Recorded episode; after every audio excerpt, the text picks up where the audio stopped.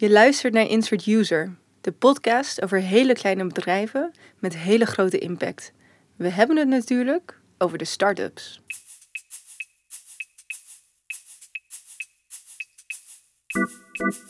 En die lean en agile designmethoden die binnen start-up cultuur centraal zijn, die bieden daar gewoon geen ruimte voor. Want die, daarin is er geen plek voor hè, langetermijn eten discussies. Daarin gaat het om wat er nu gebeurt. Wat Silicon Valley leuk vindt om op te lossen zijn hun eigen problemen. En wat is je eigen probleem als je net bent afgestudeerd? Oh, ik moet nu mijn eigen was doen. Oh, dan zou ik wel best wel een start-up willen hebben die mijn was doet. Als ik jou hoor vanuit Ja. deze deken, dan klink je gewoon hartstikke goed. Ehm, jij klinkt ook niet pissig hoor. Maar klink ik niet alsof ik uit, uit, een- uit- vanuit een hol spreek? Eh, ja, weet ik niet. Misschien. Hoi, ik ben Evelyn. En ik ben Emina. Je hoorde trouwens net een stukje uit de opname van deze aflevering van Onder Twee Dekens. Evelyn en ik dachten dat we zo wat ruis konden weghalen, maar ehm, nee, zo eh, werkt dat niet. Nee. Vandaar dat deze aflevering, aflevering 2, even op zich liet wachten. Ja, ja, dat was niet ons mo- mooiste moment. En de aflevering zelf had eh, ook wel technische problemen. Mhm. Ehm, ze hadden eigenlijk allemaal met Apple te maken, realiseer ik me opeens. Eh, iTunes eh, had ons nog niet geaccepteerd toen we live gingen. En Apple accepteerde ook ons super mooie, leuke SSL-certificaat op de website dat is niet. bizar. Ja. Maar goed, maar eh, los daarvan, met al met al ben ik eigenlijk best tevreden. En, Ja. en ook heel blij met de reacties. Ik ook, absoluut. Eh Lawrence, onze social media man, Yay. heeft er een heel leuk stukje over geschreven op Medium, Ja. de Minimum Viable Podcast. Je kan een link vinden op onze website insertuser.nl.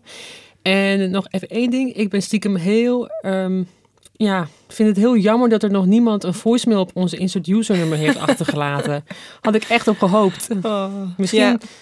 Misschien moeten we dit keer een afsluitende ehm, luisteraarsvraag of zo introduceren. Wat Hmm, vind je een daarvan? luisteraarsvraag. Ja, ik hou Ja. er wel van. Ja, Let's want we hebben een hele mooie Nokia-telefoon aangeschaft. Ehm, en die verdient het om gebeld te worden. Dus bij deze nogmaals de oproep. We willen heel graag van jullie horen. Herken je dingen terug? Wil je ergens meer over weten? Je hebt als luisteraar nog heel veel invloed op de inhoud van deze Absoluut, podcast. absoluut. Maak daar gebruik van. Hè? De podcast heet niet voor niets Insert User.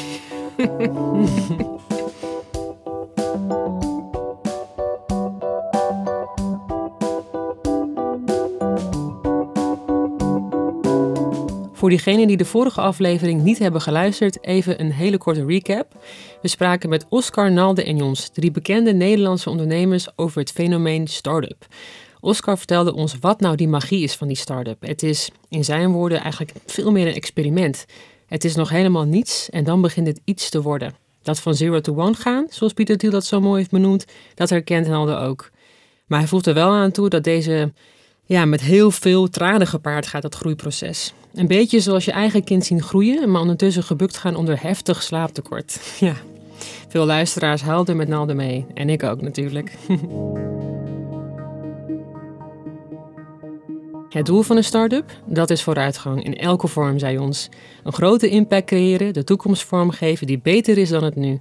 Nou, dat wil elke oprichter. En die overheid? Hmm, die is te sloom. Een echte start-up ondernemer doet het gewoon zelf. De hamvraag van vandaag is: waar komt die wil om impact te creëren vandaan? En daar bedoel ik mee impact creëren op zo'n grote schaal zonder inmenging van anderen.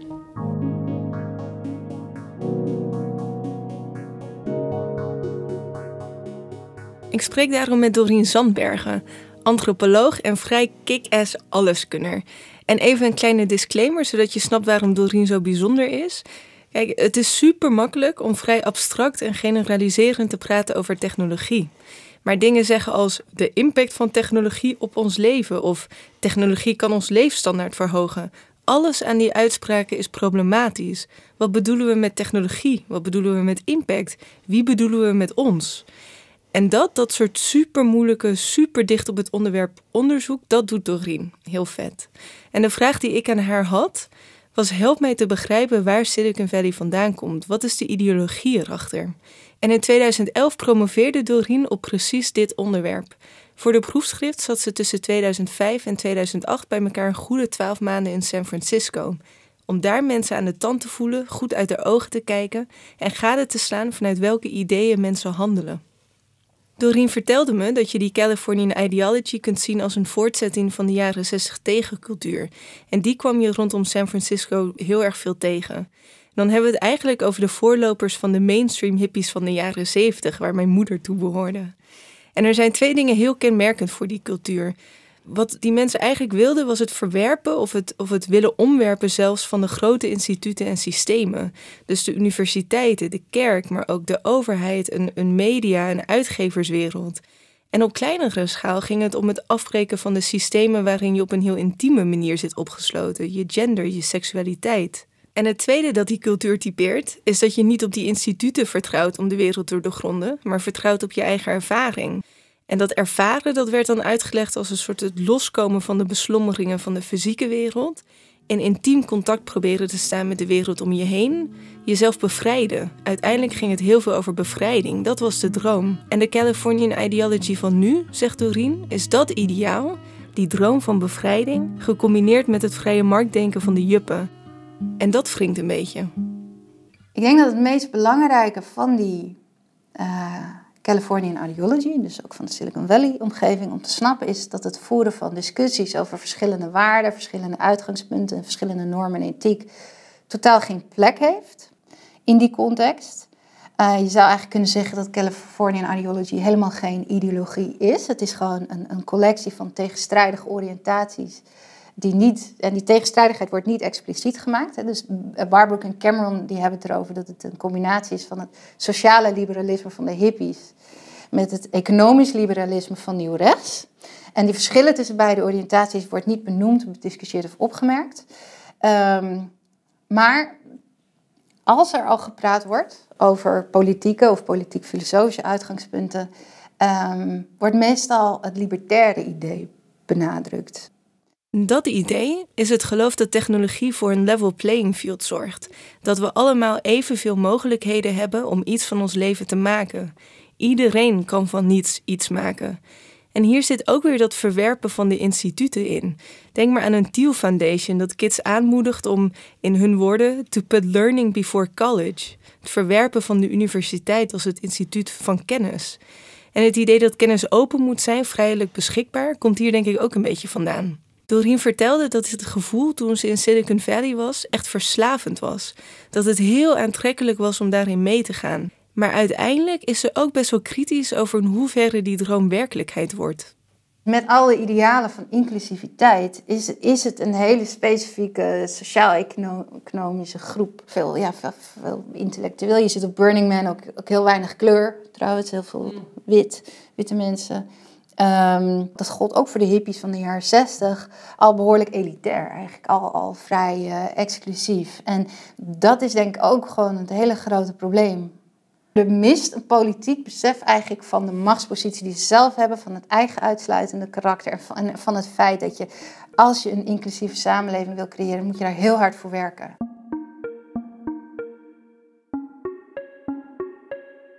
Die machtspositie gaat gepaard met iets dat Doreen een soort magisch denken noemt. De digitale voorlopers, en de terminologie zegt het al, denken dat zij al in de toekomst leven, dat zij weten wat het beste is voor de rest en dat die rest vanzelf wel volgt. Maar het echte probleem zit erin dat er in de dagelijkse praktijk, ook van die start-up cultuur, waar je dus die Silicon Valley uh, sfeer ook kan proeven, geen uh, echte aandacht is en geen echte tijd is en geen echte ruimte is om echt na te denken over um, hoe je datgene wat je maakt, hoe je daar de perspectieven van heel veel verschillende groepen mensen in kunt vertegenwoordigen, hoe je hun, hen een stem kan geven in het ontwikkelproces. En die lean en agile designmethoden die binnen start-up cultuur centraal zijn, die bieden daar gewoon geen ruimte voor. Het ligt ook heel erg aan je, aan je wereldbeeld, aan je mensbeeld. Als jij een heel singulair idee hebt over de toekomst, waar we met z'n allen naartoe moeten gaan, en die dus goed is voor iedereen, dat is in feite een heel religieus idee ook, dan is kritiek helemaal niet nodig natuurlijk. Want dan, dan weet je gewoon dat je op pad zit naar uh, vervulling van hè, ons menselijke bestemming. Maar als je uitgaat van een ander mensbeeld, uh, dat eigenlijk zegt, ja, ik kan niet voor jou invullen wat jij moet geloven of denken. Of ehm, als dat je politieke houding is, dan is het, geldt het voor elke uh, ideeënset, elke beweging. Dat het heel erg belangrijk is dat je, of dat je, dat je leeft in het besef dat er ook andere waarden en belangen zijn. Oké, wacht. Even terugkomend op de Californian ideology. Dat hmm. verwerpen van die instituten en systemen. Dat is dus eigenlijk gewoon disruption, toch? Um, ja. Ontwrichting met een Nederlands uh, woord. Ja eh, dat, ja, dat denk ik ook. Ik moest ook um, denken aan uh, de Beat Poets. Die las ik mhm. vroeger best wel veel. En die zaten echt in die jaren 60 tegencultuur, waar Doreen het over heeft. En wat ik me opeens realiseerde, um, die brachten heel veel hun eigen boeken uit. Omdat ze niet afhankelijk wilden zijn van de grote conservatieve uitgeverijen. Ze wilden iets mhm. nieuws doen. En ik denk dat je de start-ups eigenlijk ook wel een beetje in die trend zou kunnen zien. Maar het is ook uh, misschien nog wel extremer dan dat. Sam Goodman, Elon Musk, Pieter Thiel, die maken zich allemaal klaar voor een echte apocalyps. Apocalyps? Gebruiken ze echt dat woord? Ja, ja, dus echt. En, en in de ouderwetse zin van, van, van het woord, dus dat de wereld explodeert. Um, Sam, Goodman weet wat in zijn overlevingspakket zit. Oh my god, wacht even, wacht even. Wat, wat, wat zit daarin? Mag ik het weten? ja, ik heb het even, ik, ik, heb het hier opgeschreven. Um, dus hij zegt, I have guns, gold, potassium iodide, antibiotics, batteries, water gas mask from the Israeli Defense Force. hoe je daar aankomt. Oké. Uh, en, uh, en ik heb een big patch of land in Big Sur I can fly to. Oké, okay, wauw. Ja. En, en wat voor apocalypse, wat moet ik me daarbij ja, voorstellen? volgens mij gaat het, uh, nou, het... Wat ze allemaal gemeen hebben is dat ze denken dat AI de wereld gaat overnemen. Sam Goodman okay. heeft ook nog een andere theorie. Um, die denkt namelijk, uh, blijkbaar, blijkbaar is een paar jaar geleden. Wacht, ik, ik pak het er gewoon even bij wat hij zegt. Hij zegt. After a Dutch lab modified the bird flu virus five years ago, making it super contagious, the chance of a lethal synthetic virus being released in the next 20 years became, well, non-zero. dus, dus Sam Goodman, uh, naast zeg maar de robots mhm. die ons komen vernietigen, denkt hij ook nog dat het misschien wel van een virusje komt. En dan is het de schuld van de Nederlanders. Oké, dat is best wel uh, ook een beetje paranoia. Ja, ja. Maar goed, even serieus. Um, ja, laten we dat nu nog proberen serieus te zijn. ja, de, zeg maar in, in, in, voor, voor ons, uh, voor nu denk ik dat inderdaad disruption, dat dat de voornaamste manier is waarop we dit moeten zien. Ja. ja wat ik er ook een beetje interessant aan vind, uh, wat Doreen zegt, is eigenlijk dat die disruption in de praktijk niet de hele mensheid dient. Hè? Hmm. De inclusiviteit waarnaar wordt gestreefd in Silicon Valley is eigenlijk heel exclusief, super elitair. Ja, ik vond ik vind het zo gek, dus zelfs met de allerbeste bedoelingen, en ik geloof echt dat, dat die er zijn, mhm. zijn we als mensen supermatig in, in, in mensen die anders zijn dan wij binnen te laten. Ja, maar ik denk dat dit ook nog wel een stapje verder gaat. Hè? Ik bedoel, mhm als ik het goed begrijp, is de ideologie dus een soort van mensbeeld. Ja, en eh, het heeft zelfs bijna een soort van religieus karakter. Mm. En dan wordt het wel heel moeilijk om daar kritiek op te hebben. Mm. Eh, kritiek zal heel snel weggezet worden als: ja, maar jij, jij snapt het gewoon nog niet. Mm. Uh, jij ziet nog niet die toekomst die ik voor me zie. Of mm. eentje die ik zelf heel vaak hoor is: jij, ben jij toch een pessimist? Ja, dat maakt elk gesprek echt heel moeilijk.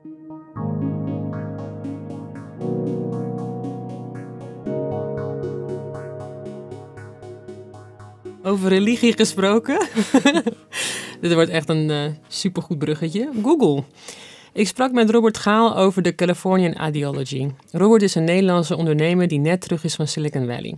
Daar heeft hij drie jaar als product manager bij Google gewerkt. En ja, hoe zou ik Robert omschrijven? Hij is echt een product guy. Op zijn vierde tekende hij al poppetjes op de computer en sindsdien is hij niet meer van dat ding weg te slaan.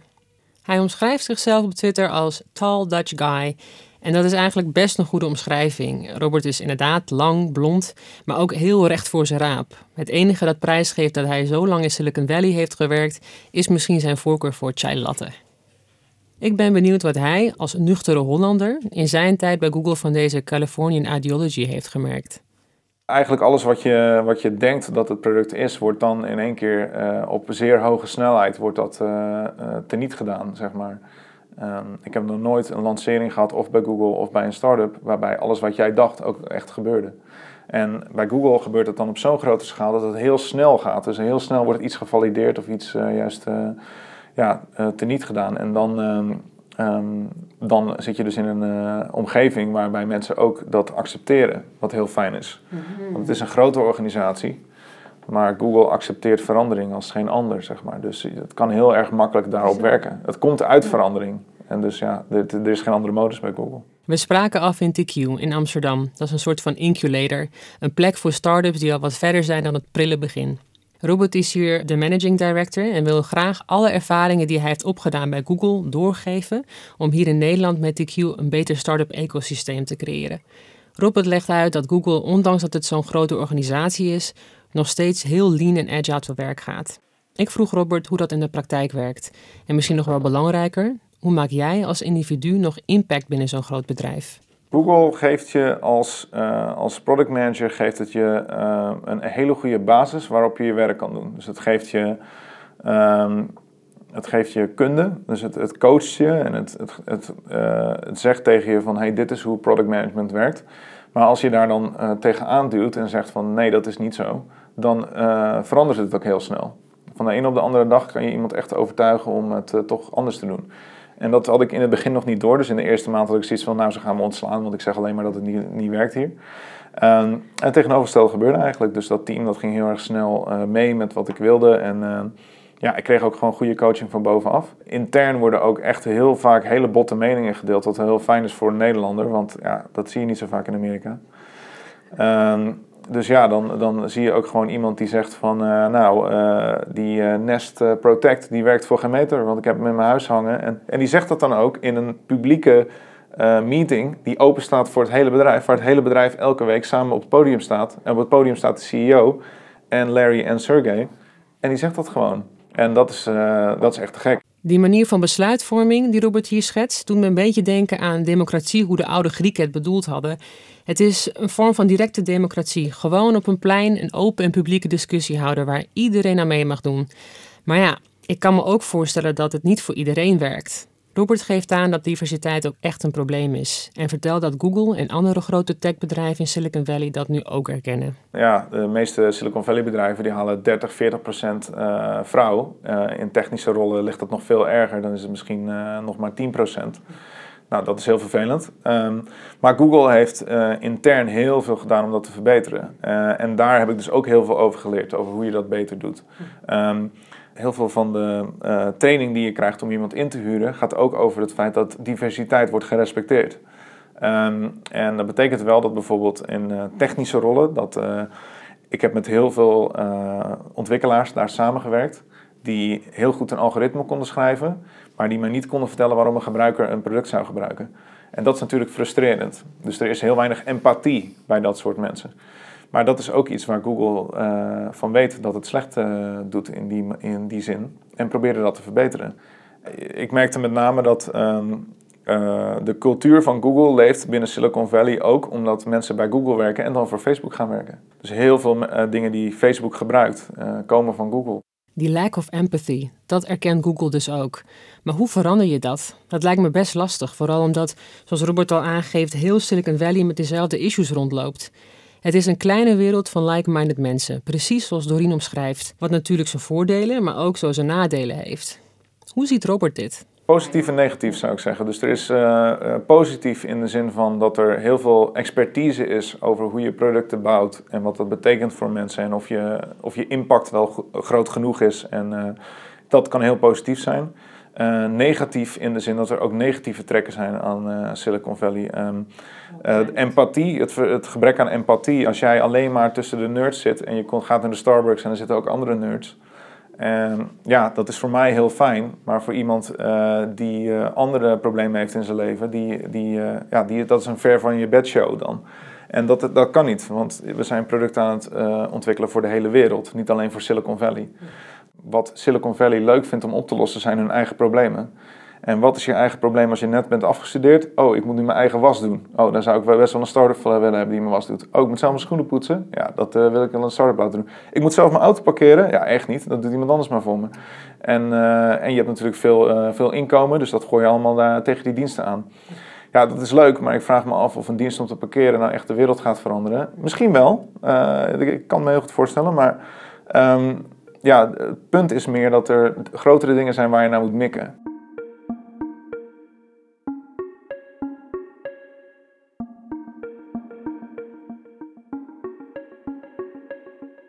Oké, we hebben dus net gehoord dat de issues die Doreen bemerkt, dat Robert die eigenlijk ook is tegengekomen bij Google. Google erkent inmiddels ook dat diversiteit een groot probleem is. Ik noem even een aantal oorzaken. De toelatingsdrempel om aan de slag te gaan in Silicon Valley ligt hoger dan die van de Harvard University. En de vaardigheden die gevraagd worden in Silicon Valley zijn vaak de vaardigheden die aan het mannelijke geslacht worden toegeschreven. Het rationele, logische denken, oftewel de exacte wetenschappen. De problemen waar een oplossing voor wordt gezocht zijn vaak de problemen van jonge, net afgestudeerde yogis met veel te veel geld te besteden. Kan dit ook in Nederland gebeuren? Dat we zo introvert worden? Ik denk wel dat er in Amsterdam uh, uh, de, de technologie sector hier is minder introvert. Omdat het, dat, niet eigenlijk kan zijn. Het is te klein. Het moet kijken naar andere industrieën, naar uh, publieke zaken om, om zichzelf relevant te maken. En in die hoedanigheid zou je dus kunnen zeggen dat er een minder grote kans is dat het introvert wordt. En toch promoot Nederland zichzelf als de Silicon Valley van Europa. Ik moet bijvoorbeeld denken aan een kaart die Startup Delta heeft gemaakt, waarin letterlijk de geografische omtrek van Silicon Valley bovenop een kaart van Nederland is geplaatst.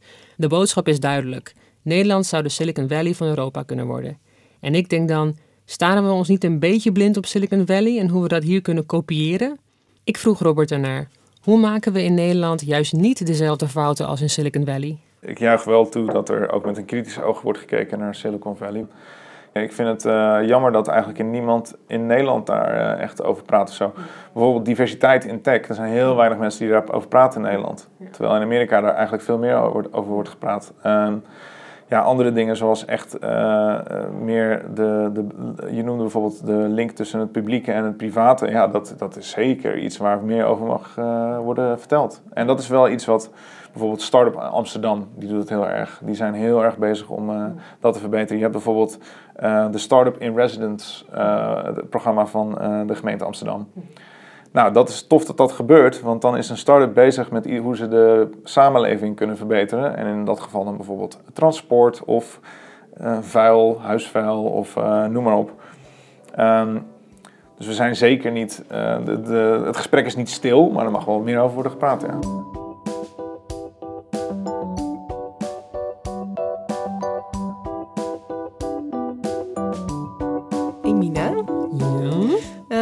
Wilde het ook nog over iets anders hebben. Yes, uh, over iets heel anders. Ik wil het hebben over dakpannen.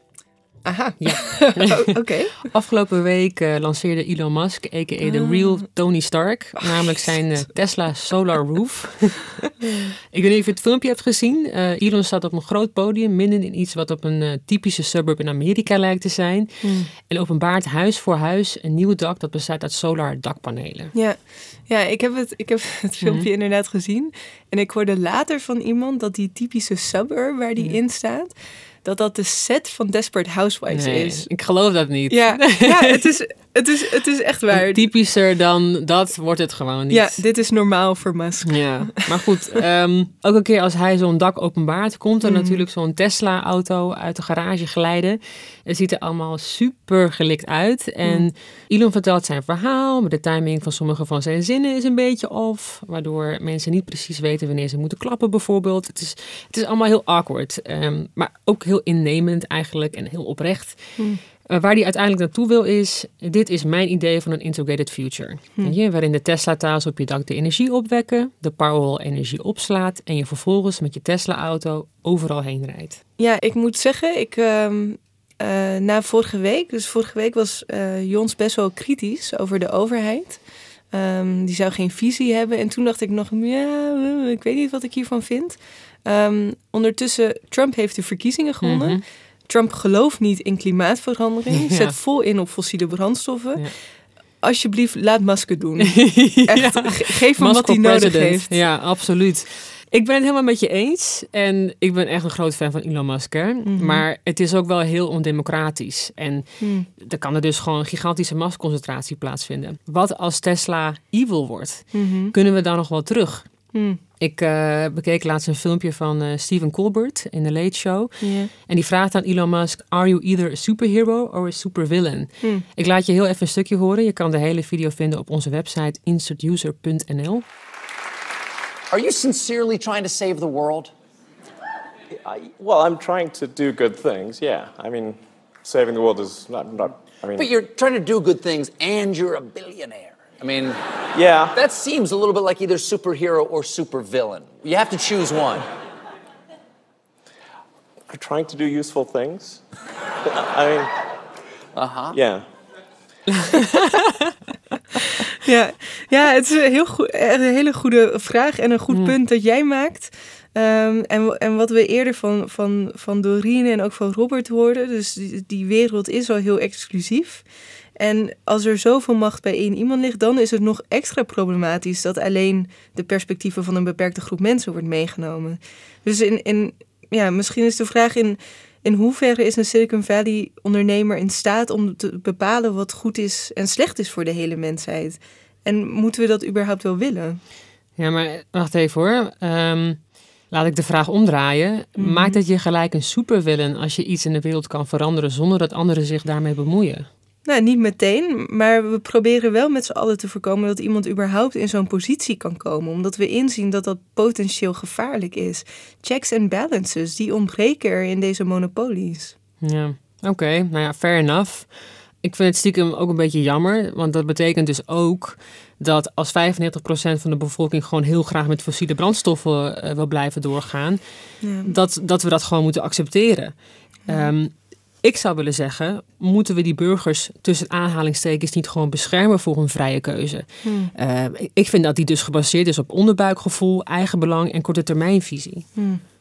Maar wie bepaalt er dan wat goed is? Pieter Thiel? Thiel gelooft niet in democratie. Ja, nee, maar ik denk ook niet dat Pieter Thiel of Musk president wil worden. Eh, om precies die reden. Het is gewoon te veel concessie en afweging van belangen. Hmm. Althans, niet hier op aarde.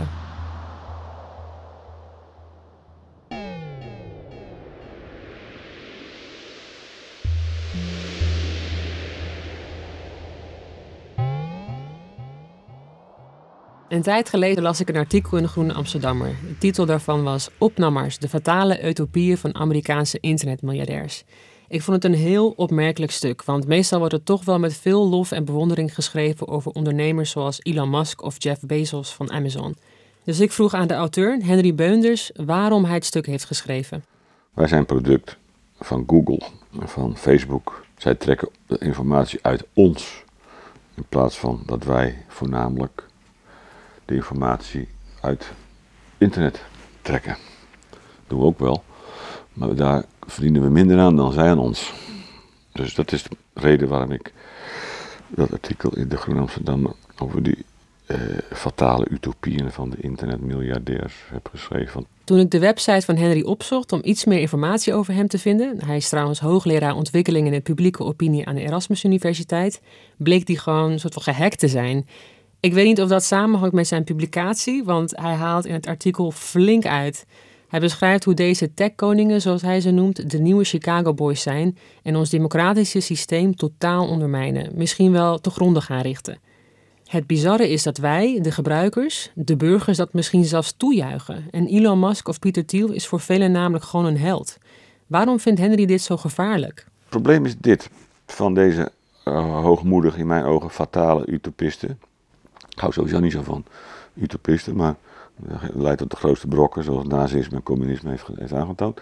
Maar uh, die utopisten, zoals Elon Musk en Peter Thiel en uh, Zuckerberg, valt er mee, die is te dom.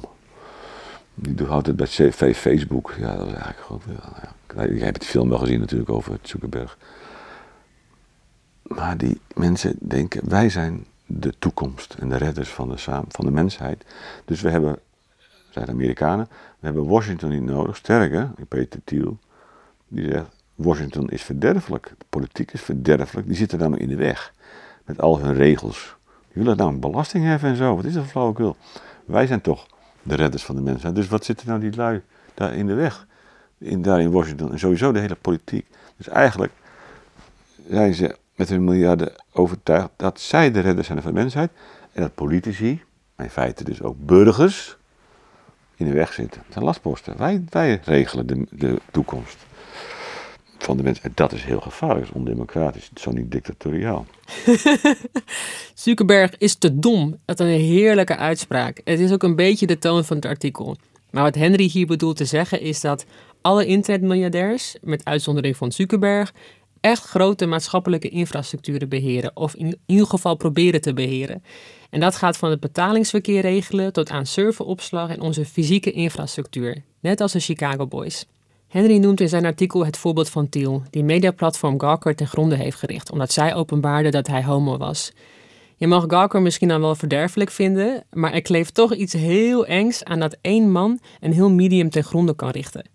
Of Jeff Bezos van Amazon, die de Washington Post heeft gekocht. Ik bedoel, hij belooft zich niet te bemoeien met de redactie, maar kom op, zelfs al bemoei je alleen maar met de vorm en marketing achter zo'n publicatieplatform, dan heb je automatisch toch ook heel veel invloed op de inhoud.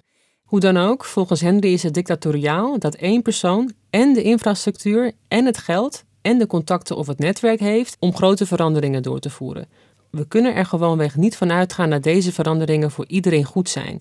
Ze zijn vooral goed voor diegenen die ze willen doorvoeren. Zij, zij, zij zijn de high-tech koningen, eh, eh, kunstenaars en koningen en generaals van de nieuwe mensheid, van de nieuwe uh, high-tech wereld. Ehm, dat is wat ze denken. En ze zijn eigenlijk van hun kinderlijke dromen in één keer via het feit dat ze op het juiste moment, met de juiste kennis, namelijk algoritmische en softwarekennis, dan zijn ze in één keer miljardair geworden. Maar waar, waar is de ontwikkeling als gewoon een student en, en een mens naar de normale wereld? Die hebben ze helemaal niet meegemaakt. Ze zijn net als, net rocksterren, die zijn in één keer met één, één plaat, één, één, zijn ze ook miljonair. En die zijn ook helemaal een beetje dwaas geworden vaak.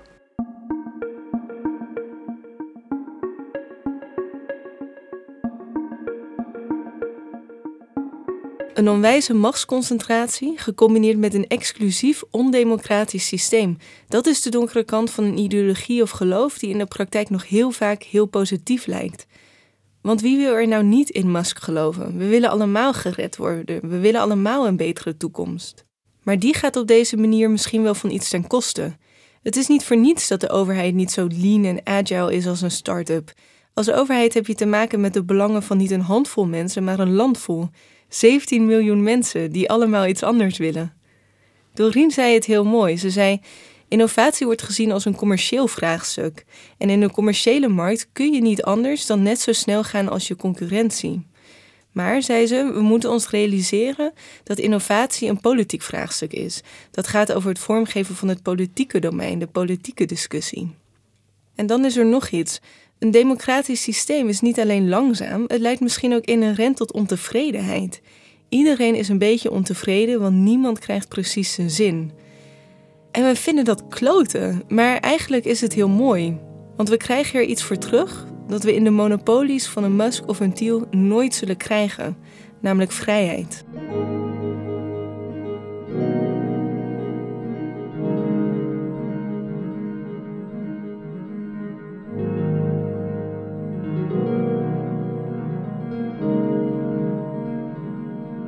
Om zelf te bepalen welke dakpannen we bijvoorbeeld op onze daken willen, toch?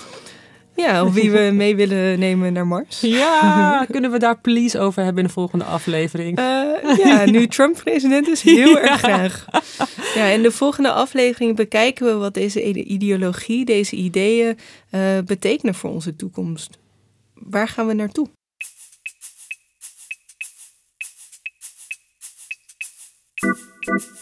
Bedankt voor het luisteren. Op zoek naar meer verdieping of een link van iets waar we het over gehad hebben, ga dan naar onze website insertuser.nl. Insert User wordt gemaakt door ons, jullie host, Emina Sendiarevic en Evelyn Austin. Ime de Jong heeft de mixage en editing verzorgd. Wil je meepraten? Je kunt ons vinden op Twitter op IU podcast of laat een voicemail achter. Je vindt het nummer van onze blauwe Nokia-telefoon op onze website. Bel hem. Insert User is een project van Bits of Freedom en Studio Spomenik en wordt mede mogelijk gemaakt door het SCDN-fonds. Heel veel dank aan de ruimte waar we deze week weer kantoor mochten houden, maar bovenal heel veel dank aan Doreen, Robert en Henry. Tot volgende week. Nee, nee, nee. Laten we, laten we zeggen tot volgende aflevering. Dat is misschien wat veiliger. Oké, oké. Tot snel. Tot snel. Oh, oh, wacht even. De luisteraarsvraag nog. Ik ben benieuwd wat onze luisteraars vinden van waar we het net over gehad hebben. Voor wie ben jij meer bang? De vrije keuze van de burger of de macht van onze internetmiljardairs? Heb je een mening daarover? Laat je horen. Het aller, allerliefst via de voicemail. Uh, je vindt het nummer op onze website insertuser.nl. Go!